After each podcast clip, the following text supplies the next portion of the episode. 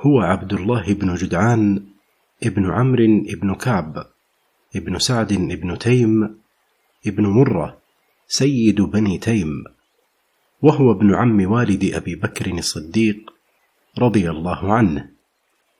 وكان من الكرماء الأجواد في الجاهلية المطعمين للمسنتين.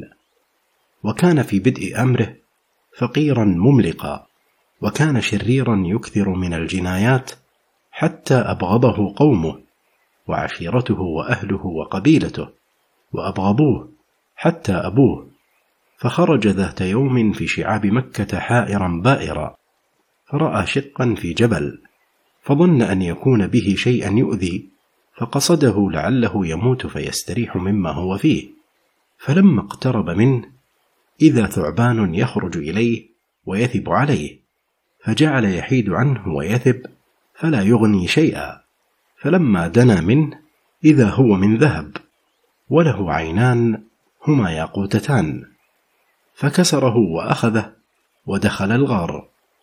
فإذا فيه قبور لرجال من ملوك جرهم ومنهم الحارث بن مضاب الذي طالت غيبته فلا يدرى أين ذهب.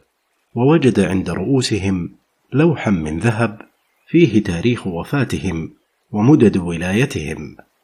وإذا عندهم من الجواهر واللآلئ والذهب والفضة شيء كثير فأخذ منه حاجته ثم خرج وعلم باب الغار ثم انصرف إلى قومه فأعطاهم حتى أحبوه وسادهم وجعل يطعم الناس وكلما قل ما في يده ذهب إلى ذلك الغار فأخذ حاجته ثم رجع. فممن ذكر هذا عبد الملك بن هشام في كتاب التيجان وذكره أحمد بن عمار في كتاب ري العاطش وأنس الواحش. وكانت له جفنة يأكل منها الراكب على بعيره ووقع فيها صغير فغرق. وذكر ابن قتيبة وغيره أن رسول الله صلى الله عليه وسلم قال لقد كنت أستظل بظل جفنة عبد الله بن جدعان صكة عمي أي وقت الظهيرة.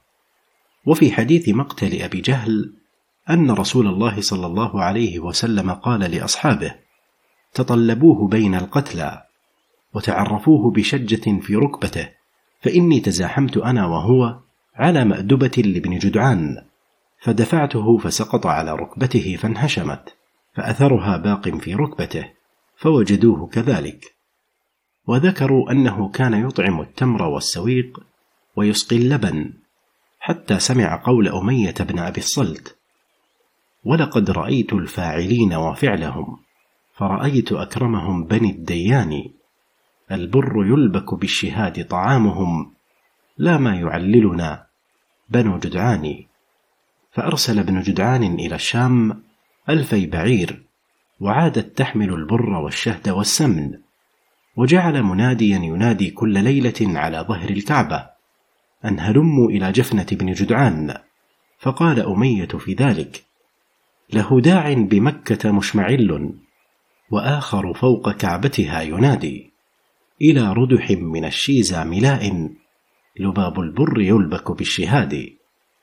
ومع هذا كله فقد ثبت في الصحيح لمسلم أن عائشة قالت يا رسول الله إن ابن جدعان كان يطعم الطعام ويقري الضيف فهل ينفعه ذلك يوم القيامة؟